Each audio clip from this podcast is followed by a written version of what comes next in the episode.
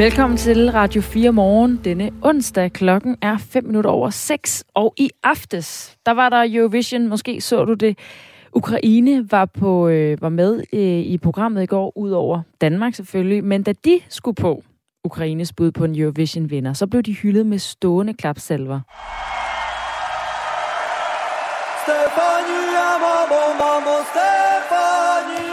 Vi taler med en mangeårig kommentator af Eurovision omkring Ukraines rolle i semifinalen lige om lidt. Ja, en semifinale, som øh, Danmark jo desværre røg ud af. Vi kommer ikke videre til finalen. Vi skal også tale om øh, foreningen Søstre mod vold og kontrol i dag. Det er en historie, vi fokuserer på her i øh, Radio 4 morgen, men også i Radio 4 undersøger. Foreningen arbejder jo på at bekæmpe vold og negativ social kontrol i blandt andet Voldsmose, og de er den seneste tid blevet beskyldt for de selv samme metoder, som de jo forsøger at bekæmpe, altså den sociale kontrol. Det har vi øh, blandt andet fortalt her i Radio 4 den seneste tid. Foreningen har i alt fået tildelt over 7 millioner kroner fra Odense Kommune og også fra staten. Og nu viser det sig så også, at foreningen sendte en klage over en navngiven betjent til forhenværende integrationsminister Mathias Tesfaye. Klagen var øh, et af de punkter, som foreningen Søstre mod vold og kontrol orienterede den forhenværende integrationsminister om forud for et møde. Foreningen holdt med ham, og politibetjenten endte med at blive forflyttet. Den historie følger vi denne morgen. Vi skal også se mod øh, Ukraine, hvor at de nu hæver deres ambitioner for, hvad landet vil opnå i kamp mod Rusland. Den nu øh, ukrainske udenrigsminister har sagt, at det nu ikke længere er nok for Ukraine at kontrollere de samme områder, som landet gjorde før invasionen begyndte i februar. Nu vil Ukraine også have Donbass-regionen og Krim tilbage. Vi spørger en forsvarsanalytiker, hvad det betyder for krigen klokken halv syv.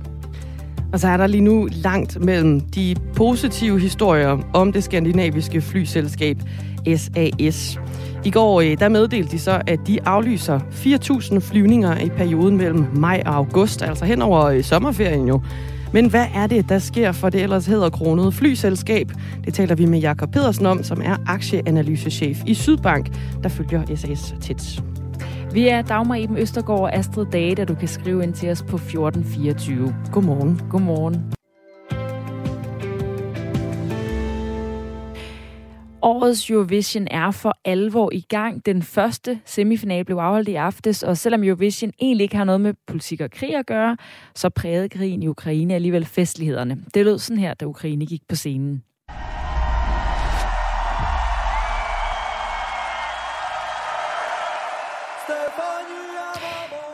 Ole Tøpholm er musikkommentator og mangeårig kommentator af Eurovision. Godmorgen. Godmorgen. Du så også selvfølgelig semifinalen i går. Hvordan vil du bedømme den her modtagelse, som Ukraine fik? Jamen, jeg synes, det var helt som forventet, at uh, der er stor opbakning til, at Ukraine fortsat er med i uh, Melodi Grand Prix i Eurovision. Så det var uh, helt som forventet, og så må jeg altså også sige, at det var et følelsesmæssigt øjeblik, da Ukraine gik på scenen. Og sådan tror jeg, det havde været, uanset hvilken sang Ukraine stillede op med, uh, med i år. Så... Uh, øh, optræden i går og publikums reaktion, den var helt som ventet, synes jeg. Da der var øh, dansk Melodi Grand Prix, der var Ukraine jo selvfølgelig ikke med, men der var øh, Herning, også øh, boksen i Herning, oplyst Ukraines farver, som er ligesom en tribute til landet. Hvad med det resten af showet? Var det ligesom præget af, at Ukraine er i krig i Europa?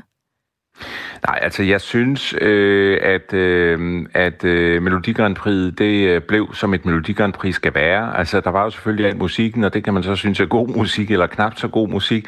Og så, så synes jeg faktisk, at øh, konkurrencen kørte som, øh, som den skulle, og det, øh, og, det, og det skal den også. Men, øh, men det er klart, det er en fuldstændig særlig situation, at, øh, at øh, et, øh, et deltagerland oplever sådan nogle voldsomme begivenheder, som, øh, som, som tilfældet er her. Men øh, det skal der være plads til, at Ukraine får lov til i årets Grand Prix. Vi skal lige høre lidt af musikken. Ukraines bidrag kommer fra bandet Kalush Orchestra med sangen Stefania. Og her er en øh, bid af den sang. Stefania,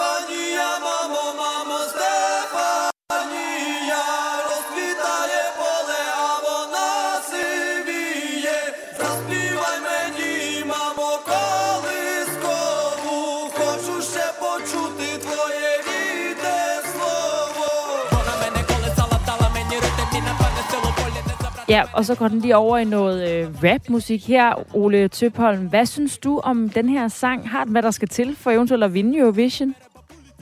Jeg synes i hvert fald, omkvædet synes jeg faktisk er rigtig, rigtig fint, og det siger noget om øh, ukrainske musiktraditioner, også internt i Ukraine, hvis vi lige tager det først, der betyder den her sang jo rigtig, rigtig meget. Det er jo faktisk en sang, som øh, de ukrainske soldater øh, synger, når de har øh, ro til det ude på, øh, på slagmarken. Det er en sang, som betyder noget for den almindelige ukrainer, hvor der ligger et hav af videoer på YouTube, uploadet fra helt almindelige mennesker, der også er med på det her omkvæd. Så internt i Ukraine, der er det blevet sådan en ny fæderlandssang, øh, kan man kalde det. Og øh, det er klart, at øh, når ukrainerne går ind på Grand Prix-scenen med så stor en entusiasme, så er der også en forventning til, at øh, det selvfølgelig drøber lidt af på øh, pointtavlen øh, lørdag aften, og det tror jeg også, det kommer, kommer til at gøre. Om det så er nok til at vinde, ja, hvis det kun havde været se-afstemningen, så tror jeg, at den havde været øh, måske 100% sikker. Men, øh, men jokeren i det her, det er, der er fagjurier, og øh, det kan komme til at gøre en forskel, fordi fagjuryerne blev i tidernes morgen sat i verden for at øh, lægge følelserne på hylden og for at undgå øh, nabostemmerier og politiske stemmerier, der var meget kritik af på, øh, på et øh, tidspunkt. Så det kommer helt an på, hvad fagjuryerne gør lørdag aften. Ved du, hvad den handler om, den ukrainske sang? Ja, altså øh, hvis man læser den engelske oversættelse, som jeg har læst, jeg forstår ikke ukrainsk, men så øh, øh, øh, øh er den egentlig meget uskyldig, fordi den handler om øh, kærlighedsforhold mellem en øh, øh, mor og en søn, og øh, så tænker man, nå, jamen det kan da ikke have den store betydning. Jo, det kan det så, fordi man skal forstå det sådan, at moren i det her tilfælde er den ukrainske stat, og det er derfor, at det nærmest er blevet sådan en ny fæderlandssang i, øh, i Ukraine, og det altså ikke bare er en ganske almindelig hip-hop-sang tilsat noget øh, ukrainsk folklore i omkvædet.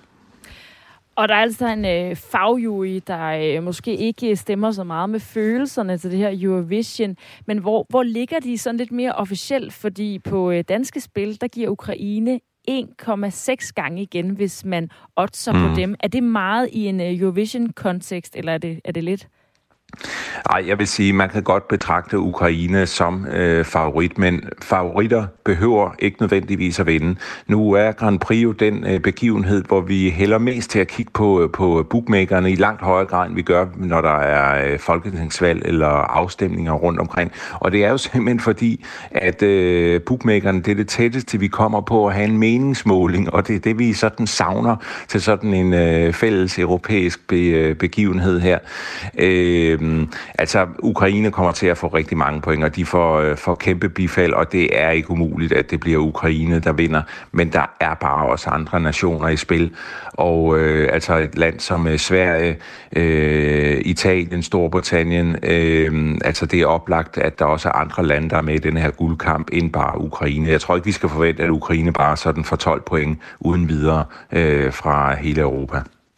Det afholdes i Italien, i byen Torino, som altså er værter for Eurovision i år. Der er semifinal i morgen, altså den anden, og på lørdag er der finale. Og på forhånd så er Rusland blevet udelukket fra konkurrencen.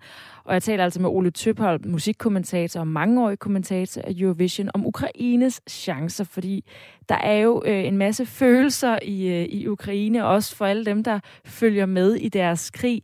Altså, hvad betyder det egentlig for Eurovision og det show, at det jo på en eller anden måde bliver politisk? Altså jeg tænker også, en ting er, hvad seerne stemmer, men en fagjury har måske også svært ved at, altså hvis alle synes, at Ukraine skal vinde, så vælge nogle andre.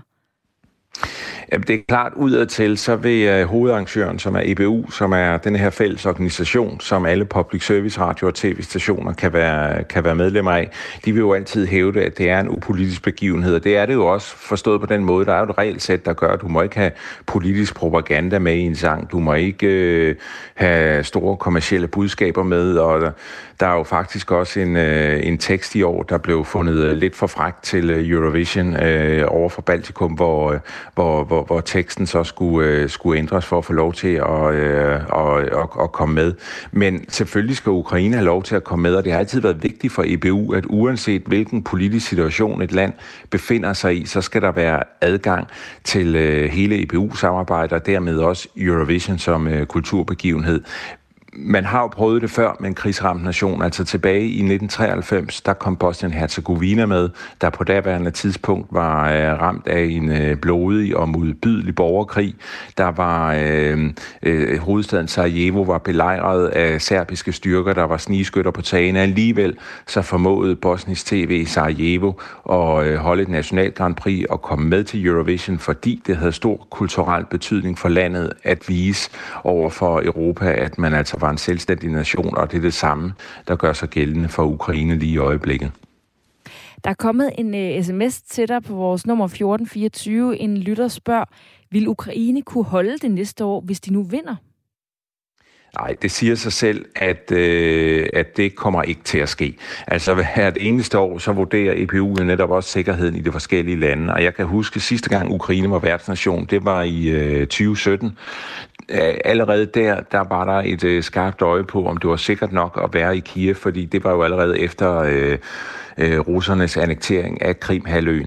Og hvis Ukraine vinder på lørdag, så kommer det ikke til at ske i øh, Kiev eller andre ukrainske byer næste år. Der står så heller ikke noget i reglerne for, hvem skal så afholde det. Skal det være andenpladsen? Skal det være et naboland til Ukraine? Skal det være øh, det land, der øh, vil betale mest? Eller hvad, øh, eller, eller hvad er reglerne for det? Det er muligt, at EBU har tænkt over det, og det tror jeg også, de har. Men øh, indtil videre, så er den plan pakket ned i skuffen, fordi hvis det ikke bliver relevant at tale om, så er der ingen grund til at offentliggøre, hvad de har gjort sig af tanker. Men øh, nej, vi skal ikke til Ukraine næste år. Et spørgsmål mere fra en lytter. Hvis Eurovision er upolitisk, hvorfor er Rusland så udelukket? og det er jo, svaret er faktisk det samme. Det er fordi, det er en ekstrem situation. Det vil være fuldstændig bizart, at øh, Rusland vil træde op på en, øh, en øh, Grand Prix-scene, mens landet er udelukket fra alle andre kulturelle begivenheder, fra alle sportsbegivenheder, fra, øh, ja, fra hele det internationale samfund. Der kan man sige, der skal Eurovision jo også afspejle det, øh, det, det, øh, det samfund, der er, og det, verdens, det verdenssamfundet har, har besluttet. Så på den måde, så er det bare en naturlig udvikling af, hvad der er sket. Øh, det ved jeg ikke, om det er politisk. Altså, øh, det er jo en ekstrem situation, hvor der er valgt nogle øh, sanktioner mod Rusland, og det er blandt andet at, øh, at, at isolere landet. På samme måde, så bliver det ikke EBU, der bliver first mover med hensyn til, hvornår skal Rusland så tilbage. Når der på et eller andet tidspunkt, øh, forhåbentlig inden for overskuelig fremtid, er opnået fred, så øh, kunne man jo også forestille sig en situation, hvor landet så øh, lige så stille bliver lukket ind i det kulturelle samfund igen, i sportsbegivenheder igen, og i den forbindelse, så vil det selvfølgelig være naturligt, at Rusland kommer med igen. Men så øh, længe det ikke sker, så kommer landet heller ikke ind i Eurovision. Og der følger EBU egentlig bare de øh, internationale sportsorganisationer og øh, politiske beslutninger, der er truffet af andre. Her til sidst, Ole Tøpholm. Vi kan lige nå at vende Danmark, for vores bud på en Eurovision-vinder var jo rockgruppen Ready, som ikke klarede ja. sig, røg ud i går, og for andet år i streg er vores sang altså ikke med i finalen. Hvad betyder det for dig? Er det så det er vel lidt mere kedeligt så at se semif- anden semifinal i morgen og finale på lørdag? Man kan sige, at det havde været en stor overraskelse. Det havde været en større overraskelse, hvis vi var gået i finalen, end det, at vi røg ud. Fordi det var jo ligesom øh, forventet. Ikke kun af bookmakerne, som vi øh, talte om lige før, men det var sådan stemningen også, når jeg har talt med andre Grand Prix-fans, også når jeg har skrevet med andre øh, kommentatorer og sådan nogle ting, at, øh, at den danske sang passede ikke rigtig ind i flowet. I hvert fald ikke godt nok til at kunne blive blandt de, øh, de øh, 10 bedste, så det var ikke nogen overraskelse. Det er klart, det betyder da noget, at det er, der er sjovere at se dansk øh, flag på pointtavlen. Altså, det er jo ligesom i sport. Altså, hvis der var en EM-finale mellem Serbien og Nordmakedonien, så er den heller ikke så interessant, som hvis det er mellem Danmark og Norge. Så øh, det skal nok blive et sjovt og festligt Grand Prix alligevel, og øh, nu gik Island jo videre i aftes, så jeg forventer efter semifinal 2, at alle andre nordiske lande er med. Så jeg tænker, der bliver nok at, øh, at hæppe på, hvis man er til øh, nordiske poptoner. Ole Tøbholm, tak fordi du var med, musikkommentator og mangeårig kommentator af Eurovision. Og det er altså i morgen, at anden semifinal afholdes, og på lørdag, at der er finalen i Italien. Klokken er 20 minutter over 6.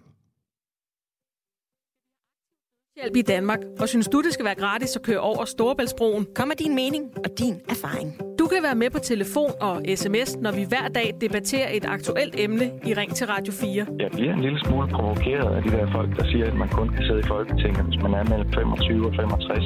En uh, sidste bemærkning fra dig, Linda. Jeg er blevet klogere på de mange vinkler, der er kommet. Lyt med alle hverdage fra 9 til 10. Jeg synes, det er alle tiders idé.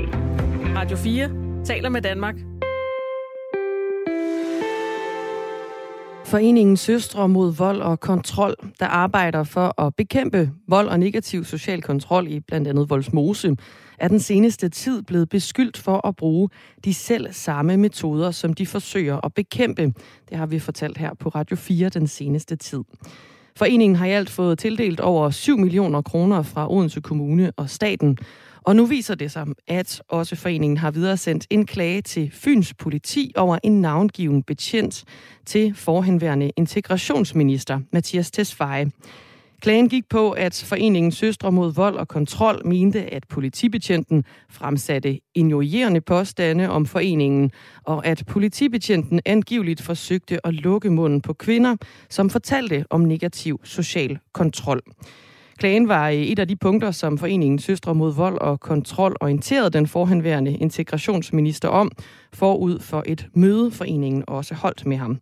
Det viser en række mails og beskeder, som foreningen har sendt til ministeren forud for mødet, og som Radio 4 har fået agtindsigt i. Nu kan jeg sige godmorgen til Elvira Abbas.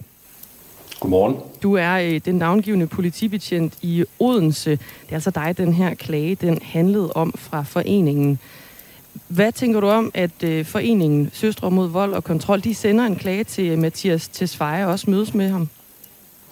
Jamen, jeg opfatter det som, om de bruger den øh, direkte politiske adgang til integrationsministeren til, til at bagvæske mig som politimand og lægge et politisk pres på Fyns politi til at mig flyttet væk fra Folsmose med tidligere afdeling. Klagen den går jo på, at øh, du angiveligt skulle forsøge at lukke munden på kvinder, der fortalte om negativ social kontrol. Er det noget, du øh, fuldstændig afviser? Jamen, det er fuldstændig absurd, fordi jeg har i mange år, eller i flere år, været central medarbejder i forebyggelsesafdelingen, øh, som netop beskæftiger mig med bekæmpelse af negativ social kontrol og håndtering af æresrelaterede sager. Min leder, min samarbejdspartner og borgerne har været tilfredse med mit arbejde. Jeg har i flere år håndteret nogle af de mest komplekse sager, omhandlende netop øh, bekæmpelse af negativ social kontrol og øh, i samarbejde i øvrigt med krigscenter og sikkerhedskonsulenter udarbejdet. Jeg har været med til at udarbejde trusselsvurderinger, der var med til at beskytte kvinderne. Ja. Og så kommer klagen fra en forening, der skal bekæmpe negativ social kontrol, og som fremstiller sig selv som frihedskæmper, og som fremstiller nogle af de mest uhyrlige, ignorerende, bagvæskende anklager mod en, en, en politimand, som bare har passet sit arbejde. Elvira Abbas, øh, politibetjent i Odense. Vi forsøger lige at ringe dig op. Vi har simpelthen en, en skuren på, øh, på linjen, så vi tager den lige på en telefon. I mellemtiden så øh, opsummerer jeg lige Elvira Abbas' sag kort. Han blev øh, flyttet fra sin post i Fyns politis forebyggelsesafdeling i Voldsmose til vagtcentralen i Odense tilbage i december 2020, og det skete efter et samråd i Folketingets retsudvalg i november. Her der stillede en øh, stribe retsordfører. Det var Nasser Carter fra Konservativ, Peter Skorup fra DF og Pernille Vermund fra Nye Borgerlige. Spørgsmålstegn ved hans virke over for justitsminister Nick Hækkerup.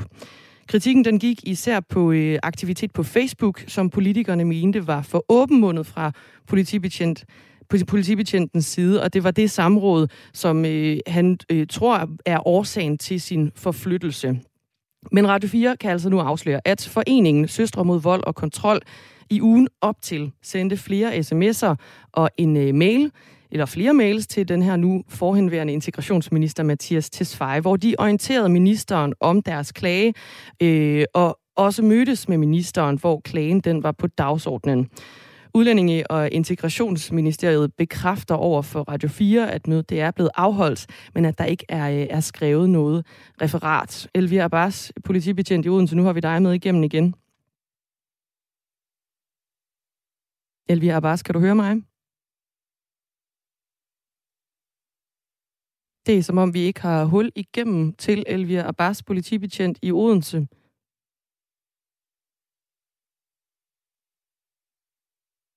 Vi forsøger lige at øh, ringe op igen til Elvira Abbas. Vi har knas på, på forbindelsen. Vi prøver lige at se, om ikke vi kan få ham igennem igen. Det hele det tager altså udgangspunkt i den her forening, der hedder Søstre mod vold og kontrol, som jo forsøger at bekæmpe vold og negativ social kontrol i blandt andet Voldsmose, hvor Elvira Abbas han også har været ansat. Og den seneste tid, der er de jo så blevet beskyldt for at bruge de selv samme metoder, som de forsøger at bekæmpe. Det er en historie, som øh, Radio 4 undersøger, fokuserer på i en øh, række udsendelser, der kommer på vores app, blandt andre også her på øh, Radio 4. Vi forsøger fortsat at få fat i Elvira Abbas, som er politibetjent i Odense, som der er blevet øh, klaget over af foreningen Søstre mod vold og øh, kontrol. De mente, at politibetjenten her, han øh, øh, fremsatte nogle injurierende påstande om både foreningen, og også at han angiveligt forsøgte at lukke munden på kvinder, der fortalte om negativ social kontrol. Klagen her, det var et af de punkter, som øh, foreningen tog op med integrationsministeren, og det har altså også været omkring et, øh, et udvalg. Det har været omkring øh, en stribe retsordfører, som har øh, stillet spørgsmål ved det her også i et samråd i Folketingets retsudvalg. Udlænding- og Integrationsministeriet bekræfter desuden over for øh, Radio 4, at mødet med øh, foreningen Søstre mod vold og kontrol er blevet afholdt, men at der altså ikke er skrevet noget referat. Vi forsøger at øh, afdække den her historie sammen med Elvira Abbas, som er politibetjent i Odense, som er en af dem, der mener, at øh, foreningen mod Søstre mod vold og kontrol altså er øh, øh, bruger de samme metoder, som de netop forsøger at bekæmpe. Elvira Abbas, er du med igennem igen? Jeg er med, ja. Ej, det er godt. Politibetjent i øh, Odense. Og nu har jeg lige forsøgt at, at rise din, din sag her op øh, i forhold til forløbet og så videre, mens vi forsøgt at, at få fat i dig igen. Øh, foreningen har været i, i dialog med Mathias Tesfaye og du mener, at det har haft en betydning for din forflyttelse i Odense som politibetjent. Hvorfor tror du, det har haft en betydning? Jamen, det er jeg ikke i tvivl om. Altså, det er jo timing. Altså, hvorfor er de så desperate for at få et, et hastmøde, akut møde med Mathias Desveje? Og de skriver decideret jeg efter kvinderne, at jeg ikke er bare upåledet utroværdig politi, men nærmest udgør en sikkerhedsrisiko for kvinderne. Og det er jo, når man fremstiller de her anklager på et tidspunkt for negativ social kontrol, allerhøjest på den politiske og mediemæssige dagsorden, og så fremstiller anklagerne mod en central medarbejder i en forebyggelsesafdeling, der netop skal håndtere øh, æresrelaterede konflikter og bekæmpe negativ social kontrol, så er Fyns politi nødt til at reagere. Vi har jo søgt agtindsigt øh, i det her, og ikke set nogen korrespondence mellem hverken Udlændinge- og Integrationsministeriet, Odense Kommune og også øh, Fyns politi. Øh, mener du stadigvæk, at den her klage den har bidraget til, til et politisk pres for at få dig forflyttet? Det er jeg ikke i tvivl om. Altså, den klage, bagvæskende klage, som, som søster med vold har sendt til Mathias Tesfaye og Fyns politi tidligere, den blev brugt som nærmest som en drejebog i, i det åbne samråd den 26. november 20, altså to dage efter mødet med Mathias Tesfaye. Og det er der, hvor blandt andet Nasser Carter, Peter Skorp, øh, Inger Støjberg og Pernilla Vermund blandt andet anklager mig for at modarbejde integration og især indsatsen mod negativ selvkontrol. Det samme i forhold til øh, det møde, jeg havde et par dage efter tjenestesamtale med min politiinspektør, så bliver der lagt vægt på, udover mødet i retsudvalget og de falske anklager, som flere retsordfører havde fremført mod mig, at søster mod vold og deres mistillidserklæring mod mm. mig var meget, meget alvorligt. Elvira og de Bas, kunne have mig i Voldsmose af den grund. Elvira Bas, øh, du afviser jo, at du har begået de her ting, som foreningen øh, anklager dig for, altså injurierende udtalelser for at, at forsøge at lukke munden på kvinder, som øh, udtaler sig om negativ social kontrol. Så, så hvad for en interesse kunne de ellers have i at få dig fjernet? Jamen, der er ingen tvivl om, at der, der er simpelthen en sammenhæng mellem de anklager, som, som islamforsker Jesper Petersen og, og jeg er blevet udsat for. Vi to har forsøgt simpelthen at afdække omstændighederne og sandheden omkring den, den skilsmisse kontrakt, som søster mod vold og kontrol havde lægget til Berlinske 24. september 20. Vi har stillet spørgsmålstegn omkring manipulation og forventningskontrakten, og det, det, det, det, det brød søstrene med vold sig ikke om, fordi det var trussel mod hele deres eksistensberettigelse. Så de, de for, for, for at lukke munden på os, så er det simpelthen, uh, så det simpelthen truer os på både vores ytringsfrihed og vores, vores levebrød. Du kan øh, høre meget mere om foreningen Søstre mod vold og kontrol, og også anklagerne imod dem i den podcast-serie, der hedder Borgmesterens Søstre. Den finder du i Radio 4-appen, eller også der, hvor du øh, i øvrigt finder dine podcasts. Elvira Abbas, politibetjent i Odense, du skal have tak, fordi du stillede op. Klokken er halv syv, og vi skal have nyheder.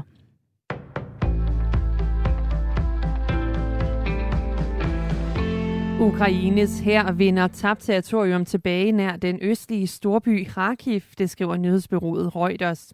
Ukraine har i løbet af i går vundet kontrollen tilbage over en række landsbyer nord og nordøst for Kharkiv. Ifølge den amerikanske tænketank Institut for Krigsstudier, så er nogle russiske bataljoner slået så langt tilbage, at de nu kun er 10 km fra den russiske grænse. Og vi tager endnu en nyhed fra Ukraine, for Ukraines første præsident, Leonid Kravchuk, er død i en alder af 88 år. Det oplyser stabschefen i det ukrainske præsidentkontor ifølge Reuters. Det er triste nyheder og et stort tab, lyder det. Han var en klog ukrainsk patriot og en ægte historisk figur i vores vej mod at sikre uafhængighed, skriver stabschefen i et opslag. Kravchuk var et højtstående medlem af Ukraines kommunistparti, men han forlod partiet efter et kupforsøg mod den daværende sovjetiske leder, Mikhail Gorbachev. Leonid Kravchuk blev i øh, blev 1. december 1991 valgt som Ukraines første præsident. Samme dag der stemte ukrainske vælgere for løsrivelsen fra Sovjetunionen. Det er de efterladte, der står med regningen, hvis en gravsten bliver løs, det skriver Kristi Dagblad. For selvom det ofte er sovnets egne graver, der har sat stenen op, så er det altså de pårørendes opgave at betale, hvis stenen går løs, og det møder kritik fra både pårørende og fra flere præster. Søren Abilgaard, der er formand for Landsforeningen af Menighedsrådet, siger dog til Kristi Dagblad, at han har fuld tiltro til, at menighedsrådene ude i sovnene håndterer situationerne omkring sikring af gravsten forsvarligt. De mest udbredte sikringsmetoder koster mellem 2.000 og 6.000 kroner, og hvis gravstedsejeren nægter at handle, så bliver gravstenen lagt ned, også på gravstedsejerens regning. Lyse gravsten skal sikres for at undgå ulykker. Fokus på sikring af gravsten kom efter en toårig dreng i 2016 mistede livet på Vestre Kirkegård i København, da en 200 kilo tung gravsten væltede ned over ham. En af de strengeste tiltag fra den militante bevægelse Taliban bliver nu taget op i FN's Sikkerhedsråd. Medlemmerne af rådet vil mødes i morgen. Og det sker efter, at kvinderne i Afghanistan er blevet beordret til at bære heldækkende beklædning i offentligheden. På mødet der vil FN's udsending i Afghanistan, Deborah Lyons, orientere rådet, der består af 15 medlemmer. I Afghanistan der bliver kvinder nu opfordret til at bære en altdækkende blå burka. For andet år i træk, der kommer Danmark ikke med til finalen i Eurovision Song Contest. Det står klart efter det ikke lykkedes for rockbandet Ready at gå videre fra semifinalen i går aftes, hvor 17 lande dystede om 10 pladser i finalen. Og det ævede bandets trommeslager i Han Haidar, at de ikke kunne sikre dansk deltagelse i Eurovision-finalen. Det har bare betydet så meget for mig, og jeg troede virkelig på det. Men det er okay. Altså, vi, vi, vi er kommet for at blive og det her, det stopper os ikke. Jeg troede, Europa var klar til os. Det var det ikke. Finalen i sangkonkurrencen bliver afholdt i Italien på lørdag. Vi får stedvis lidt sol her til morgen og formiddag, men ellers så bliver det en skyet omgang, og en overgang kommer der også byer flere steder. De får flest byer i de nordlige dele af Nordjylland af Jylland selvfølgelig. Let til frisk sydvestlig vind og temperatur mellem 12 og 17 grader. Det var nyhederne her på Radio 4 i studiet anne Sofie Feldt.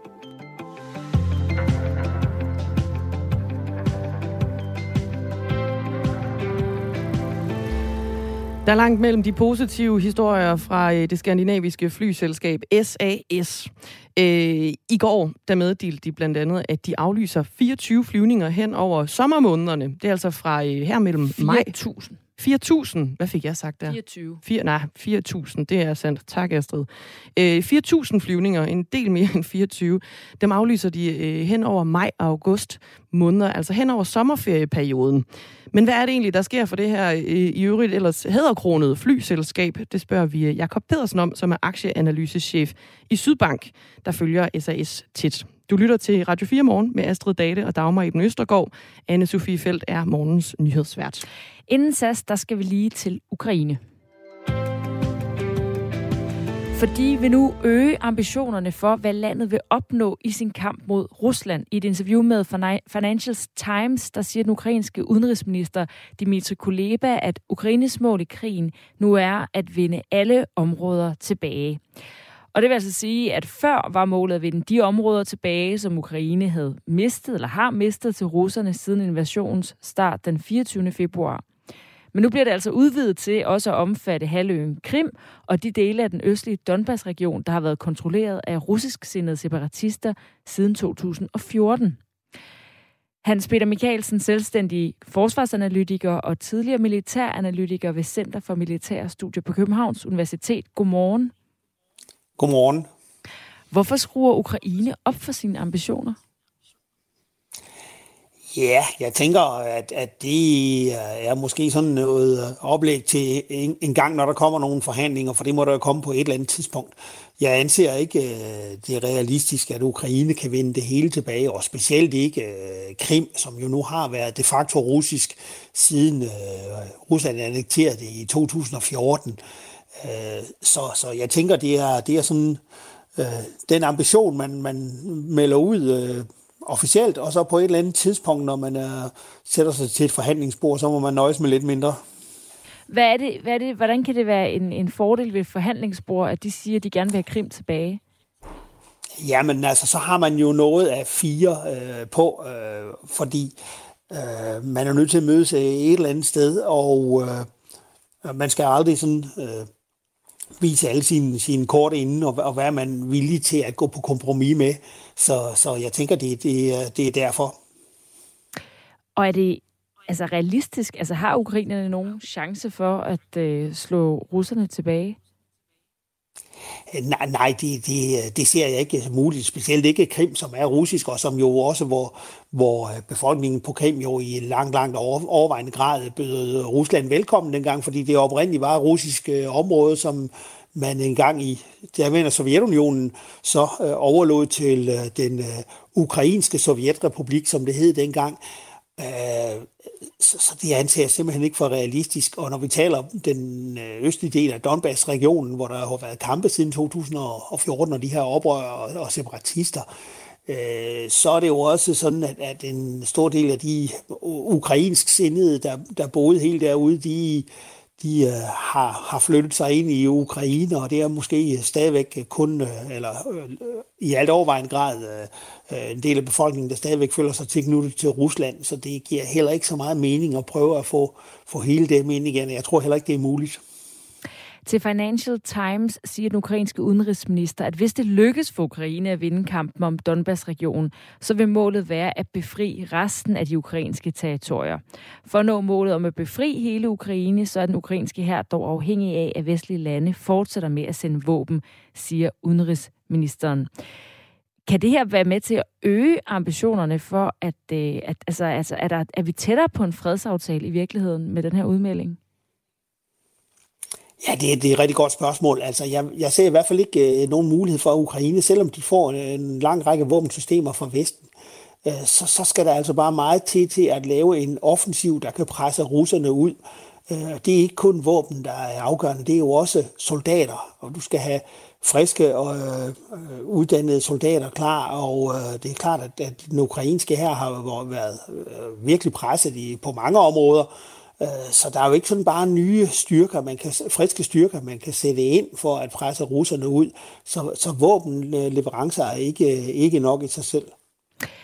Det har allerede nu lykkedes Ukraine at slå nogle af de russiske styrker tilbage i de kampe, der foregår i den østlige del af landet. Blandt andet så har Ukraine slået russiske styrker tilbage i Kharkiv, en af de store byer der. Men og det er jo været en, en, det er så en af de byer, som Rusland har taget her i den seneste invasion.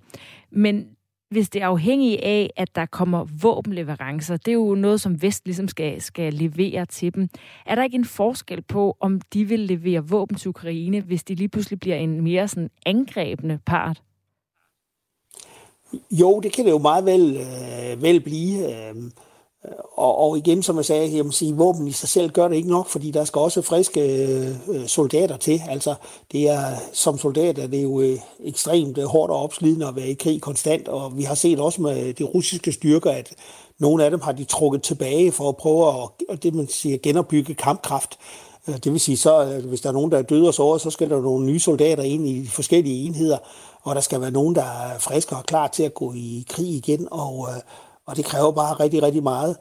Øh, så jeg ser da også det, at øh, øh, Rusland ligesom har, har opgivet Kharkiv, jamen, at man måske koncentrerer kræfterne omkring Donbass, og så er der stadigvæk det her stykke ned sydpå fra, øh, nord for Krim, altså øh, Kherson, øh, og så øh, hele den stø, det lange stykke langs, øh, langs havet, øh, øh Mariupol og den slags, som, som Øh, det her terræn, som, som det givetvis er Ruslands ambition at, at have en landforbindelse overfra Donbass og ned mod, øh, mod Krim.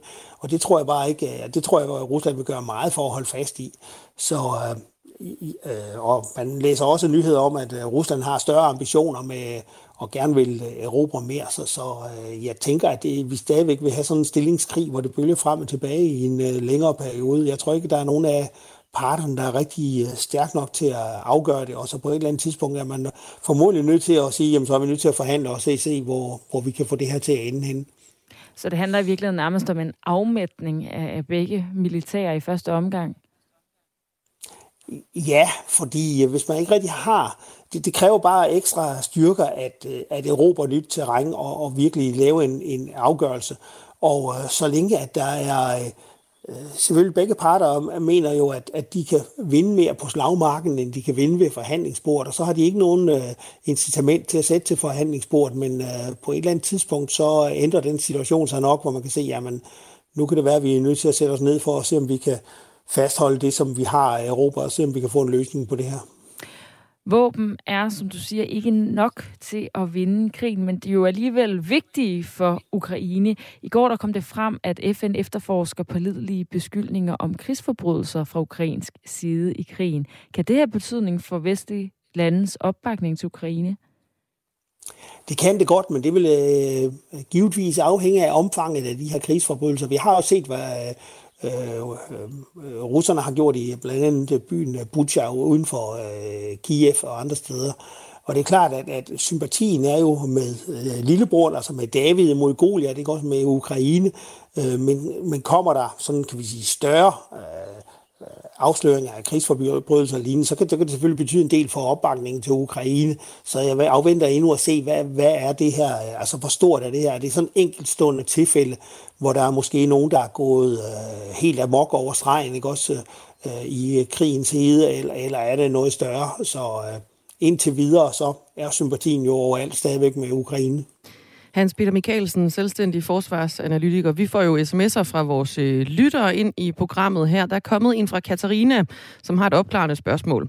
Vil Rusland overtage hele Ukraine, eller er der kun tale om områder, hvor mange af beboerne faktisk gerne vil høre til Rusland? Ja, altså, øh, det kan godt være op- oprindeligt, at øh, Putins idé var, at han ville øh, overtage hele Ukraine, fordi han øh, udtalte jo, at Ukraine sådan reelt ikke var nogen stat, der ikke havde lov til at eksistere. Men, men det er helt øh, urealistisk.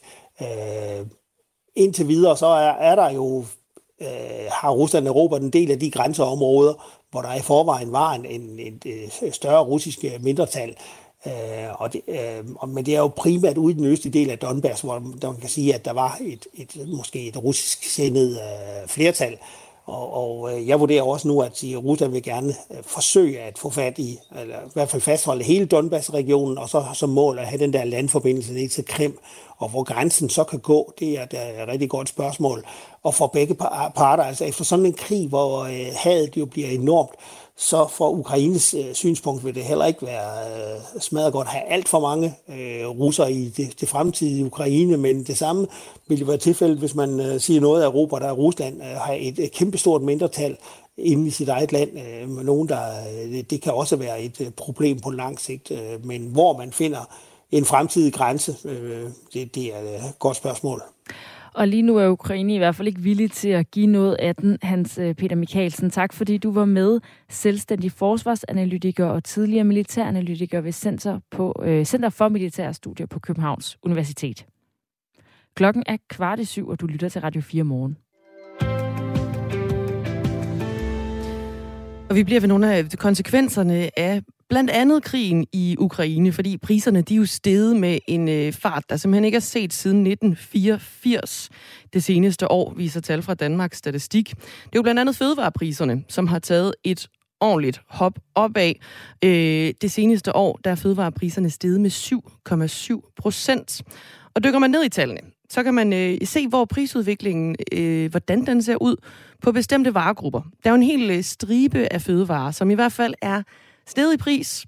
Det er pastaprodukter og couscous, hedder kategorien. De er steget med næsten en fjerdedel i pris, 25 eller over en fjerdedel i pris, 25,4 procent. Mælk er steget med over 20 procent, og okse- og kalvekød er steget med over 18 procent. Olivenolie næsten 14 procent. Frisk frugt 9 procent. Det er et par af, af den liste af prisstigninger, der er sket på øh, fødevarer det seneste år. Men så er der jo også dem, som er faldet. Chips og så videre er for eksempel faldet med 8,2 procent. Så er der øh, spiritus og likør faldet med 3 procent. Og i øvrigt, øh, læskedrikke er faldet med 1,3 procent.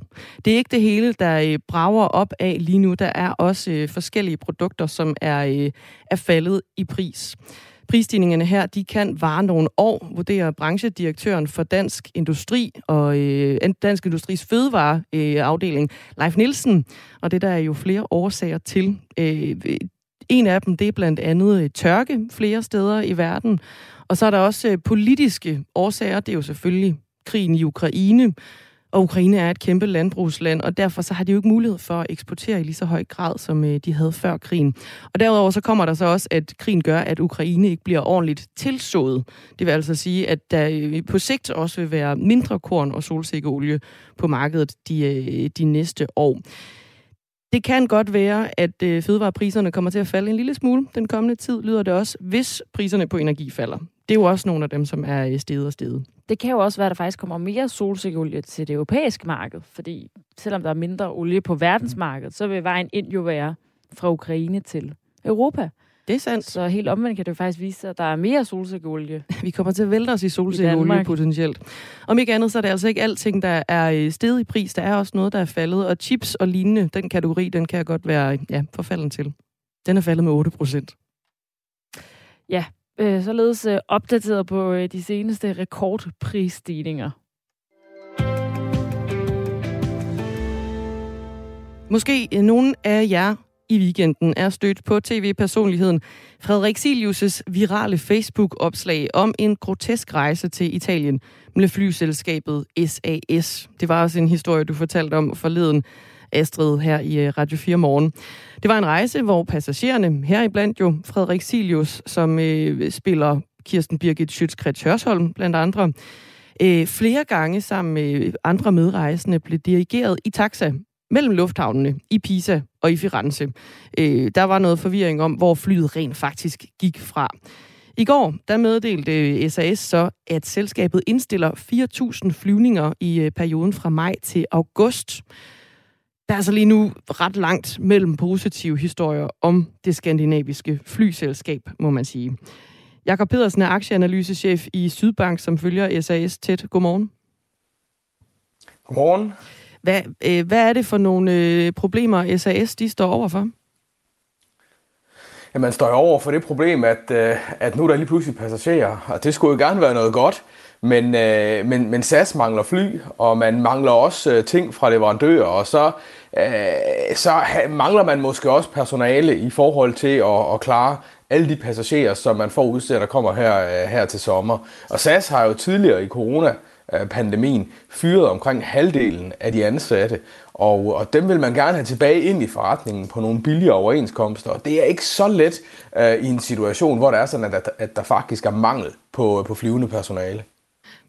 Hvorfor har man først øh, fundet ud af, at man mangler både personale, men også fly nu?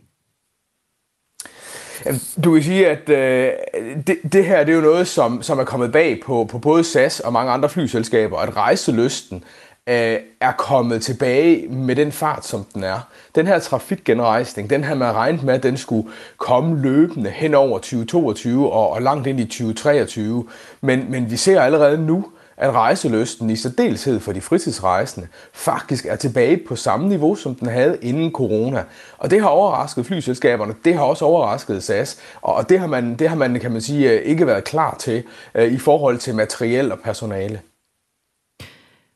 Hvorfor er det, at SAS er endt i den her øh, pressede situation, de står i nu, med 4.000 aflyste flyvninger hen over sommeren?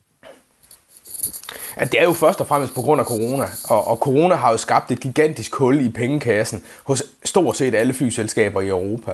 Og, øh, og, og når det er sådan, at du har så stort et hul i din pengekasse, og du har mellem et år og halvanden, hvor du næsten ingen indtægter har, så skærer du alt, hvad du overhovedet kan i omkostninger. Og, og det der med så ligesom at, at vende tilbage til hverdagen, det, det kan godt kræve nogle, nogle ret store skridt, som vi også kan se her, og det er sådan nogle skridt, som, som SAS altså ikke kan tage, kan tage fuldt ud. Så det handler meget om, at, at man har været fuldstændig lagt ned, og, og så kommer genrejsningen lige pludselig. Og det der med at gå fra 0 til 100 i løbet af meget, meget kort tid, det er, det, det er en svær proces. Vi indledte jo øh, her med at fortælle om øh, Frederik Silius' Facebook-opslag, altså øh, tv- og radiopersonligheden, der blandt andet øh, er manden bag Kirsten Birgit Schøtzgrads Hørsholm, som de fleste nok er stødt på. Øh, han beretter altså om det, der lyder som en totalt vanvittig dårlig oplevelse med SAS, hvor han bliver sendt frem og tilbage i taxa mellem Firenze og Pisa, fordi der er forvirring over, hvor flyet overhovedet skal, skal let fra. Er der nogen som helst kobling mellem den konkrete historie og så den generelle situation, som SAS står i? Du kan sige, at historien repræsenterer vel øh, det kaos, der kan opstå, når det er sådan, at man forsøger at genrejse tingene for hurtigt, og man ikke har styr på alle, alle, øh, alle dele af det, der foregår øh, på jorden og, og, og, og i flyene. Og det, det er jo det, som SAS gerne vil undgå, når det er sådan, at man, at man aflyser de her 4.000 øh, afgange. Det er jo netop at skabe alt for mange af de her rigtig, rigtig dårlige kundeoplevelser. Øh, og, og det, det må vi jo så håbe, at, at det lykkes for selskabet. Jeg tror nu uanset, fordi det her det er ikke kun SAS, der har det problem, øh, med, med ligesom at, at være klar til alle de passagerer, der er. Øh, uanset, så tror jeg altså, at vi kommer, vi kigger ind i en sommerperiode, hvor man som, som passagerrejsende øh, nok skal forberede sig på at tælle om, om, om ikke til 10.000, så til 5.000 for ikke at eksplodere. Øh, fordi der, der bliver mas på, det gør der, og der er ikke ret mange flyselskaber, som, som er klar til alle de passagerer, der gerne vil ud og rejse til sommer. Til Ritzau, der siger Alexandra Lindgren Kaugchi, at øh, hvad hedder det, hun er SAS' øh, presseansvarlig i Danmark, og hun siger, at langt de fleste passagerer, de kommer ikke til at mærke de her 4.000 aflysninger, der er blevet meldt ud fra flyselskabets side, øh, andet end at, at man måske bliver ombooket til et, øh, et andet fly. Tror du, det bliver øh, realistisk at få det til at lykkes? Det er det, jeg er helt overbevist om. SAS, øh, SAS er jo et flyselskab, som, som har mange forskellige destinationer, men som også har høje frekvenser. Altså det vil sige, flyver ofte på de destinationer. Derfor så er der rigtig god mulighed for at blive booket om. Ydermere, så er SAS jo en del af, af, af den, den kæmpe store luftfartsalliance, der hedder Star Alliance. Så SAS har i og for sig mange samarbejdspartnere blandt konkurrenterne, som man har mulighed for at ombooke til. Øh, så, så, så det her det er en kabale, som, som det selvfølgelig ikke bliver let for SAS at få til at gå op, men, men, men man har skabt sig selv et, et fornuftigt udgangspunkt, øh, fordi mange af de ferierejser, som, som man aflyser, at de ligger jo altså i juli og august, og der er trods alt nogle, nogle uger til. Med den sådan øh, dårlige øh, hvad kan man sige, kundeoplevelse, mange måske får af at lige pludselig måske skulle rejse om natten i stedet for om dagen eller dagen før en ombookning, og hele den her historie med at aflyste fly og sådan noget. Hvordan kan det, altså jeg tænker bare i forhold til SAS, kunne det bedre betale sig, at de bare øh, købte det ekstra personale og betalte noget ekstra, eller brugte mange penge på at få nogle ekstra fly, i forhold til, hvad det betyder for dem, at, øh, at de jo får dårlig omtale af det her? Jeg tror for, øh, for SAS, der handler det selvfølgelig om at sikre, at den oplevelse, man får, når man er ude med SAS, øh, og flyve med SAS, at den også er førsteklasses øh, og at den er bedre end det, man kan finde andre steder. Og, og der er ingen tvivl om, at, at der, der kigger man ind i nogle måneder nu, hvor det er sådan, at det kan blive svært, øh, fordi, fordi den her trafikgenrejsning kommer så hurtigt. Øh, og og jeg, jeg er ret overbevist om, at øh, dem, der sidder og skal tage beslutningerne i SAS, de, øh, de, kigger, de kigger både på økonomien, men de kigger også på, hvad er det, vores kunder forventer af os. Kundetilfredsheden har igennem mange år op mod corona været et af SAS's helt, en af SAS's helt store styrker, og, og der, har man, der har man altså noget at hente nu, øh, og, og det er jeg overbevist om, at man vil gøre alt, hvad man kan for ikke at falde fuldstændig af hesten her hen over sommeren. Men det er klart, når det er sådan, at det er så mange passagerer, man har, der skal ud og rejse, så vil der også øh, fra tid til anden være, være dårlige historier. Den ene dag fyrer SAS medarbejdere, og den anden dag mangler de. Hvordan hænger det sammen, spørger vores lytter mig hjemme. Kan du hjælpe med at belyse det, det, Jacob Det er et rigtig godt spørgsmål. Ja, det kan jeg. Uh, spørgsmålet er, hvor meget det er medarbejdere, man mangler i den her, i den her fase. Om det ikke mere handler om, øh, om fly. Men, men, men SAS gjorde jo det i forbindelse med, med, med corona, at man fyrede halvdelen af medarbejderne.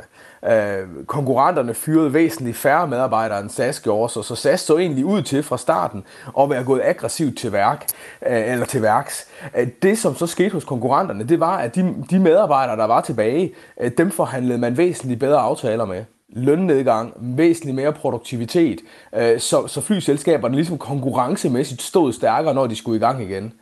Det lykkedes ikke for SAS. Så SAS er, er egentlig nu, jeg ved ikke, om man skal sige fanget, men de har ikke fået afsked, de har fået afskediget rigtig mange medarbejdere, som de egentlig godt kunne bruge, og de har ikke fået forhandlet bedre aftaler med alle de medarbejdere, der er tilbage. Så, så, øh, så, SAS, så SAS konkurrencemæssigt står et væsentligt ringere sted nu, end det, man gjorde inden corona. Og det er noget af det, som, som, som man har brug for at arbejde med. Og det, det betyder ret beset også, at, at, at øh, SAS tjener færre penge, eller taber måske penge, på mange af de flyvninger, man tidligere kunne have tjent penge på. Og det er også en årsag til, at man, at man øh, nok er mådeholdende i forhold til, hvor mange fly man sender i luften. Jakob Pedersen, hvor, lang, altså, hvor alvorligt er det her egentlig for SAS? Altså, det er nærmest noget, der kan true dem på deres eksistens? Der, der er mange ting, der truer SAS på deres eksistens. Øhm, altså man, man, man har penge i kassen i øjeblikket, men det er i og for sig også det positive, der er at sige om SAS' overlevelsesmuligheder. Fordi selskabet er ikke konkurrencedygtigt, det vil sige, at de kan ikke tjene penge. Og det er også ens betydende med, at hen over de næste kvartaler, jamen der måned for måned, der vil man tabe penge, og det vil også betyde, at, at kassen bliver drænet. Så på et eller andet tidspunkt, så står man altså og kigger lige ned i afgrunden. Det betyder også, at man har lagt en stor plan for, hvordan man skal blive konkurrencedygtig og hvordan man skal overleve. Og det kræver, at man får forhandlet nogle nye aftaler med medarbejderne. Det er vigtigt, og det er svært. Det kan vi se allerede nu. Øh, de, de forhandlinger, de er stort set i stillestand. Øh, så kræver det også, at man får sagt til alle långiverne, det er blandt andet leasingselskaber, som man leaser fly, fly fra, at de skal slå en streg over gælden. Det er heller ikke nogen super nem opgave, særligt ikke fordi långiver og faktisk også medarbejderne er vant til, at staterne kommer og redder dem, når det er sådan, at SAS er i problemer. Uh, og endelig så skal man så også have, have nye penge i kassen, det vil sige ud at rejse, rejse kapital. Så der er rigtig, rigtig mange ting, der skal gå op i en højere enhed for SAS, hvis det er sådan, at man skal fortsætte i den uh, form, som man har i dag. Sagde Jakob Pedersen, aktieanalysechef i Sydbank. Tak for det. Velbekomme.